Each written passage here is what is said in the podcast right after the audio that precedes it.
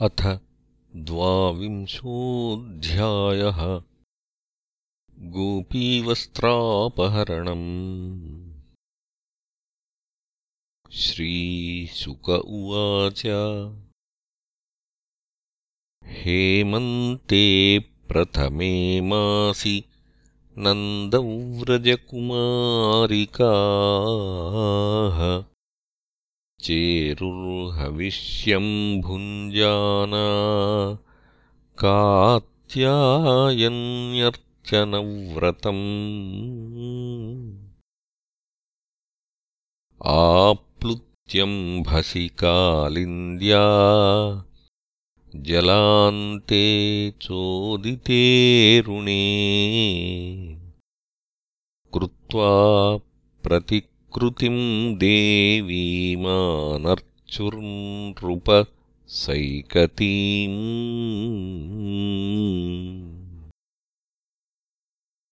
गन्धैर्माल्यैः सुरभिभिर्बलिभिर्धूपदीपकैः उच्चावचैश्चोपहारैः प्रवालफलतण्डुलैः।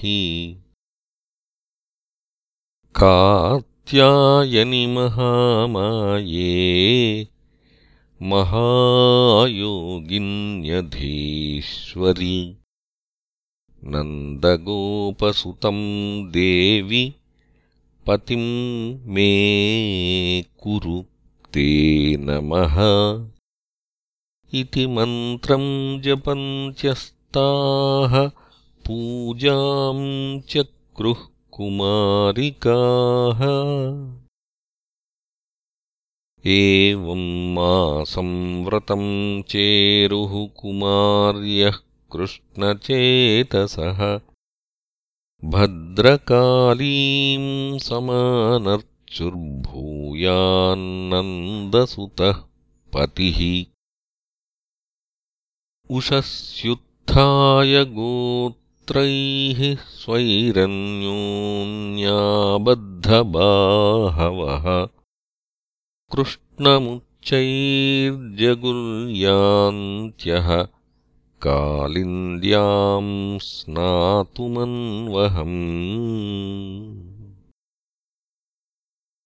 नद्याम् कदाचिदागत्य तीरे क्षिप्यपूर्ववत्। वासांसि कृष्णम् गायन्त्यो। विजह्रुः सलिले मुदा। भगवांस्तदभिप्रेत्य कृष्णो योगेश्वरेश्वरः। वयस्यैरावृतस्तत्र गतस्तत्कर्मसिद्धये। तासाम् वासांस्युपादाय नीपमारुह्य सत्वरः हसद्भिः प्रहसन् बालैः परिहासमुवाच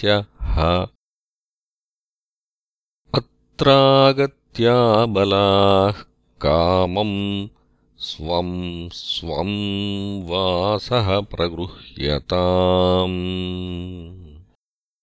सत्यम् ब्रवाणि नो नर्म यद्यूयम् व्रतकर्षिताः न मयोदितपूर्वम् वा अनृतम् तदिमे विदुः। एकैकशः प्रतीच्छध्वम्। सहैवोत सुमध्यमाः। तस्य तच्छ्वेलितम् दृष्ट्वा गोप्यः प्रेमपरिप्लुताः। व्रीडिताः प्रेक्ष्य चान्योन्यम्। जातः सा न निर्ययुः। एवम् ब्रुवति गोविन्दे नर्मणाक्षिप्तचेतसः। आकण्ठमग्नाः शीतोदे वेपमानास्तमब्रुवन्। मानयम् भोः कृथास्त्वान्तु नन्दगोपसुतम् प्रियम्। जानीमोऽङ्गव्रजश्लाघ्यम् देहि वासांसि वेपिताः। श्यामसुन्दरते दास्यः करवामतवोदितम् देहि वासांसि धर्मज्ञ नो चेद्राज्ञे ब्रुवामहे श्रीभगवानुवाच। भवत्यो यदि मे दास्यो मयोक्तम् वा करिष्यथ। अत्रागत्य स्ववासांसि प्रतीच्छन्तु शुचिस्मिताः ततो जलाशयात् सर्वा दारिकाः शीतवेपिताः पाणिभ्याम् योनिमाच्छाद्य प्रोत्तेरुः शीतकर्षिताः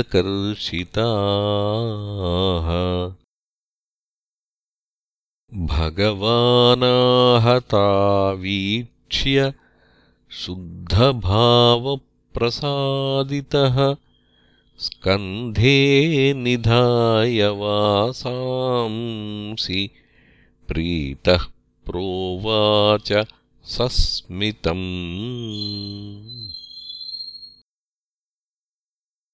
यूयम् विवस्त्रा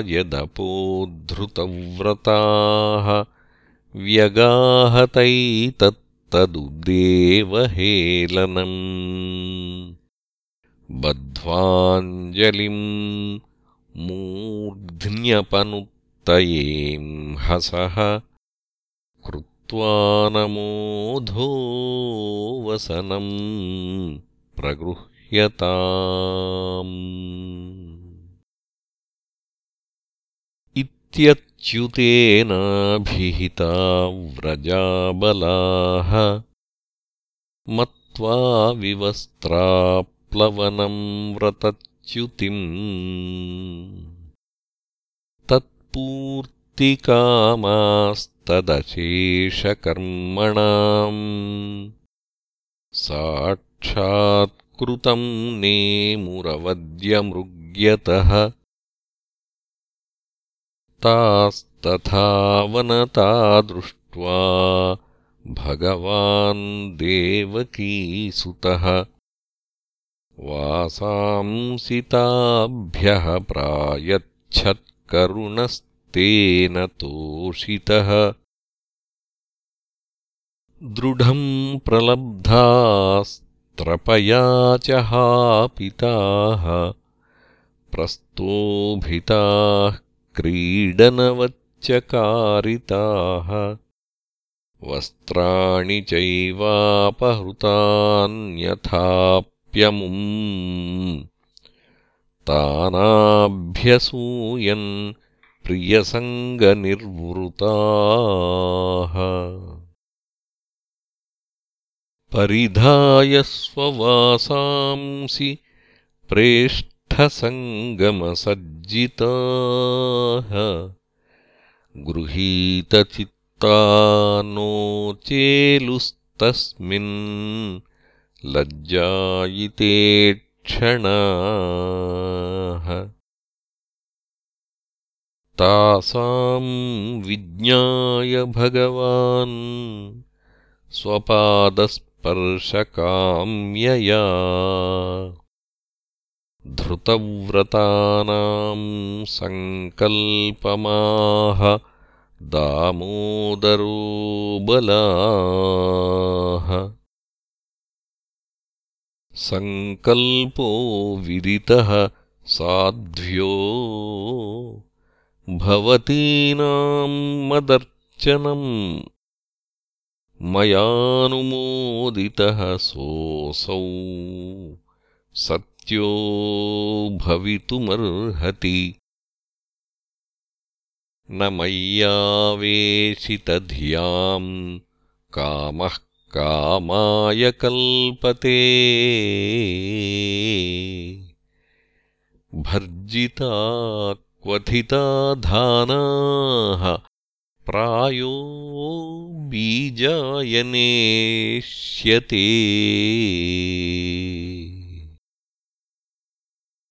याताबलाव्रजम् सिद्धा।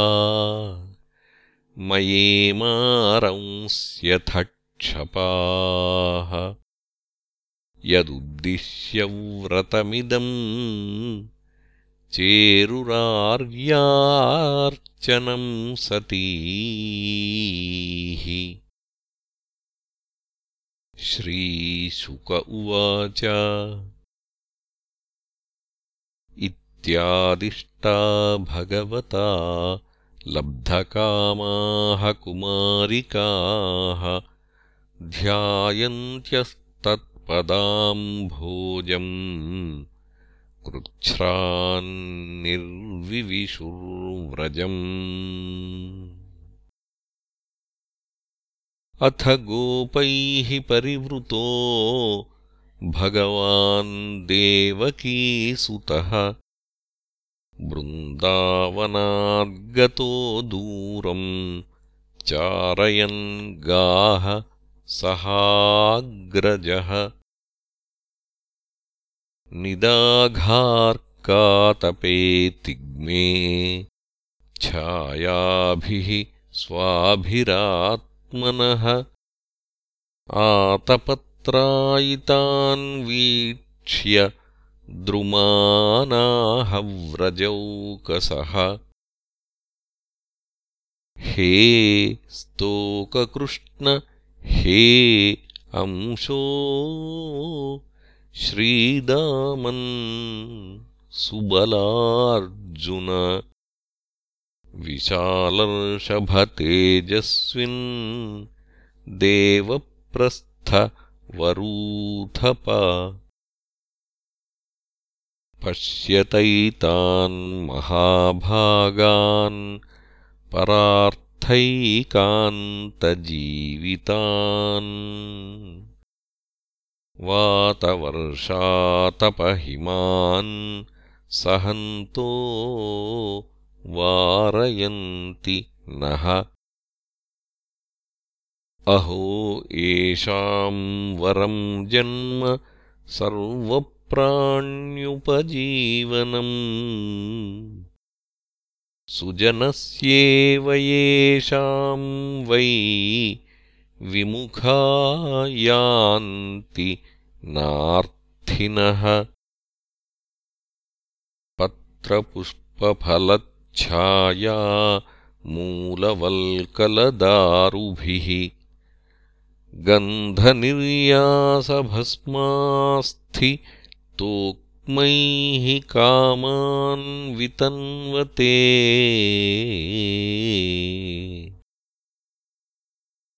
एतावज्जन्मसाफल्यम् देहिनामिह देहिषु।